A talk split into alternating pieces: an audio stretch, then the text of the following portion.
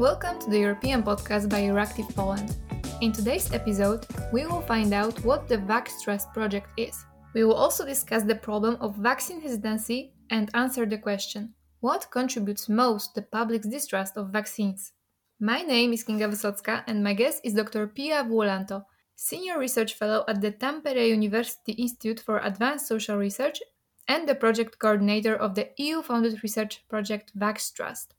Welcome and once more, thank you for accepting my invitation. Firstly, I would like to ask you about the Vax Trust project. Could you explain what it is and why it was created? Vax Trust was set up uh, with the aim of addressing vaccine hesitancy in Europe and um, to help healthcare professionals prepare for meeting with vaccine hesitant individuals.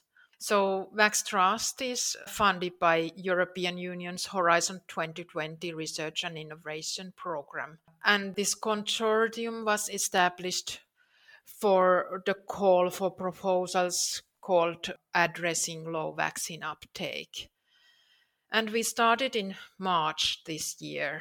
Now the project is carried out in seven countries. We have uh, Finland, Belgium, Poland, the Czech Republic, Italy, Portugal, and the UK. Vax Trust is coordinated by Tampere University in Finland, and I am the principal investigator here, and this means that I lead this research consortium, and we have 10 partners in the seven countries. Of course, the question about vaccine hesitancy in Europe is acute right now. It appears that Europe stands out as a region where vaccine services are largely available and many vaccine preventable diseases have disappeared.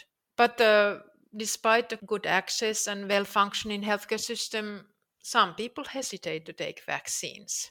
And from the point of view of healthcare professionals, this means that people are coming to the consultancy rooms with a ready made diagnosis and possibly with a negative or critical stance toward vaccinations or medications or any other medical treatments.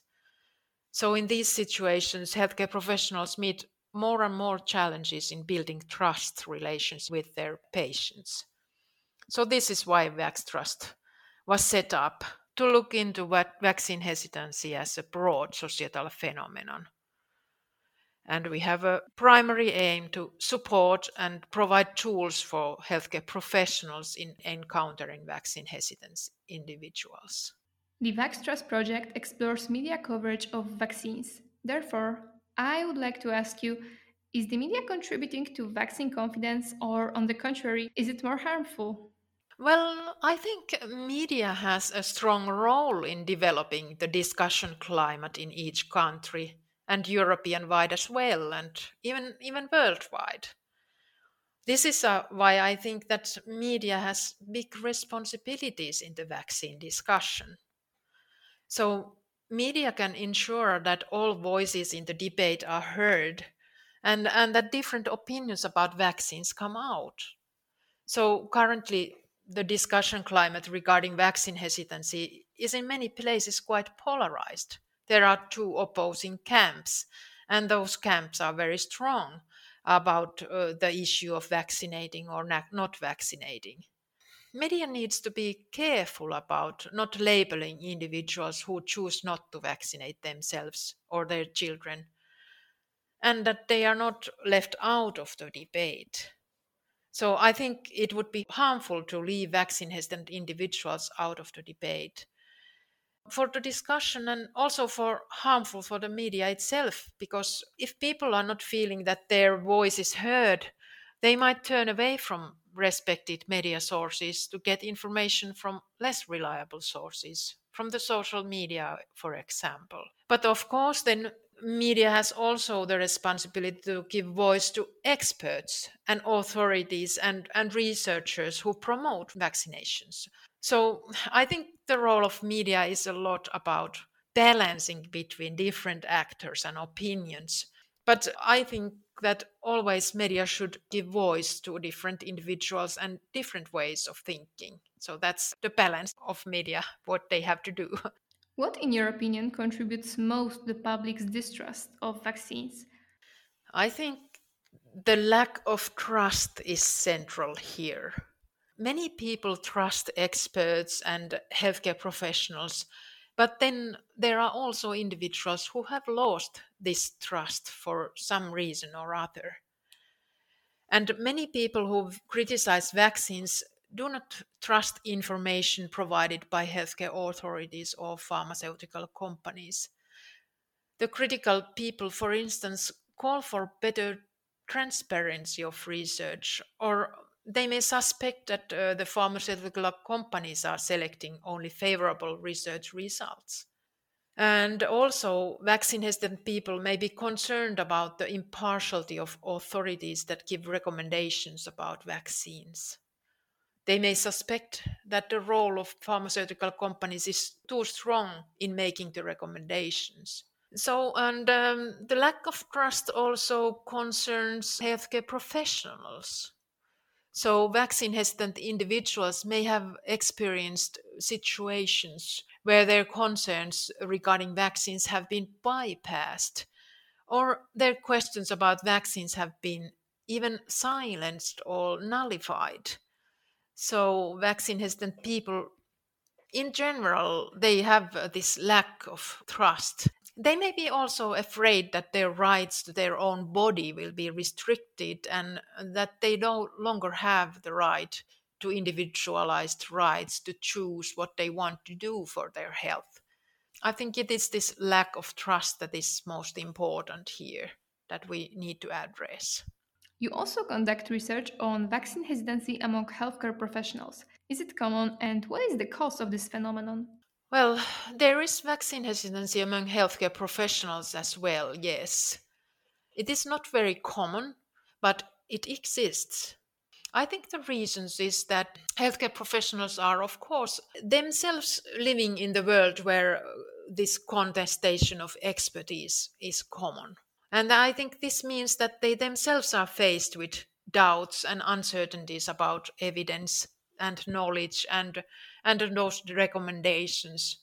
And they might themselves become doubting and questioning or vaccine hesitant themselves. So i think there have been many reasons found for this. Some of them have the fear of vaccine side effects and they also have this mistrust of, in pharmaceutical companies and uh, lack of trust in healthcare authorities completely similar to the reasons in the general public. There is uh, existing this uh, healthcare professionals resistance and um, part of this might be also that for example in, in finland there was introduced an obligatory vaccines for for healthcare professionals and that also caused some resistance here but in other countries as well i know do you think it is easier to combat vaccine hesitancy in the medical community or among hesitant patients?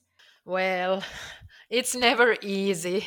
I mean, as I mentioned earlier, I think the main issue here is the lack of trust, and recovering this trust is really, really difficult.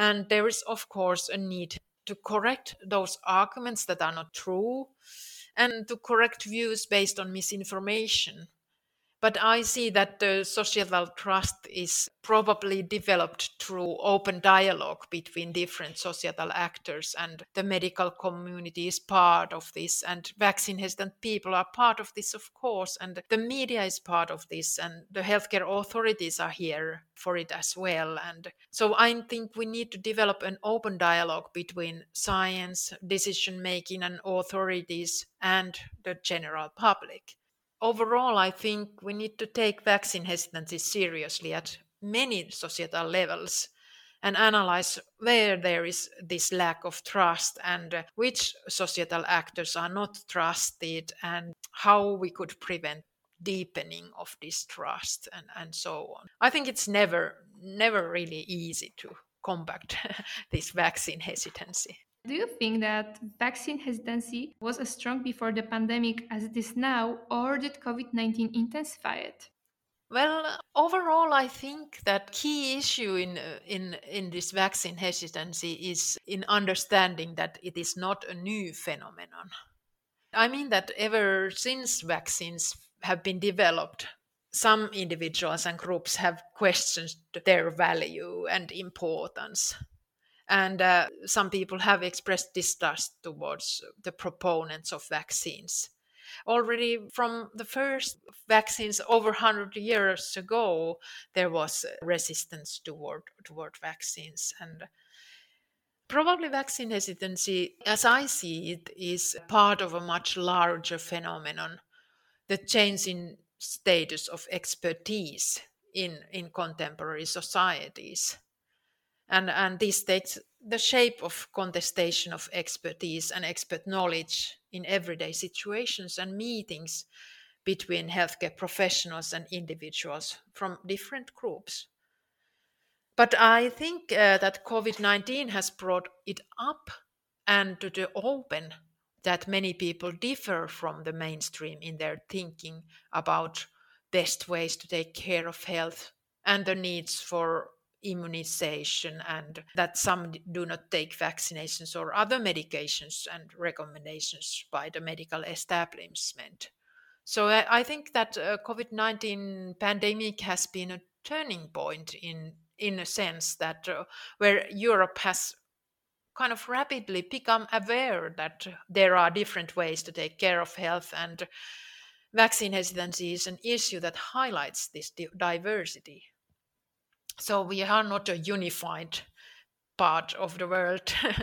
And uh, and covid-19 has also meant that people need to express their choices in a visible way. So some do this in public and and some loudly demand their rights to choose. So this has become kind of open up and open in in this uh, covid-19 pandemic is vaccine hesitancy a problem of the same degree in all European countries? Or are some societies more vaccine hesitant than others? There might be several re- reasons for the re- regional differences, and some may be related to macro level factors rather than individual issues. So, one issue is that vaccine services are organized in different ways in different regions of Europe and uh, availability of vaccines is an issue in some countries and in some other there's difficulty in access to healthcare services for several societal groups. So one other aspect is that vaccinations are administered by different experts in different countries. So different professional groups are faced actually with, with this vaccine hesitancy. So for example in finland public health nurses are administering most of the childhood vaccines and, and their role is central in building parents' trust in vaccinations. And then, for example, in Italian context, it is pediatricians who administer vaccines. And uh, of course, these professional groups have different competencies to respond to parent questions or uh, also different knowledge level about the family situation and and uh, of course, they have different amounts of time to listen to parents. So these might be some reasons. And one key issue is uh, compulsory or obligatoriness of vaccines. So when vaccines are voluntary, it tends to be so that then vaccine uptake is higher. And this points to the direction that obligatory vaccines may not be a solution to increase low vaccine uptake but the situations are more complex than just the question whether vaccines should be compulsory or voluntary. These mentioned examples are just just some issues that might be behind those regional differences, of course. But maybe they can show that it's not easy to state the reasons why vaccine hesitancy is more more predominant in some regions rather than others. That was actually my last question, and I would like to thank you very much for all those insightful remarks. I would also like to thank to our listeners. I invite you to listen to our European podcast on Spotify, SoundCloud, Apple Podcast, and Google Podcast. Goodbye.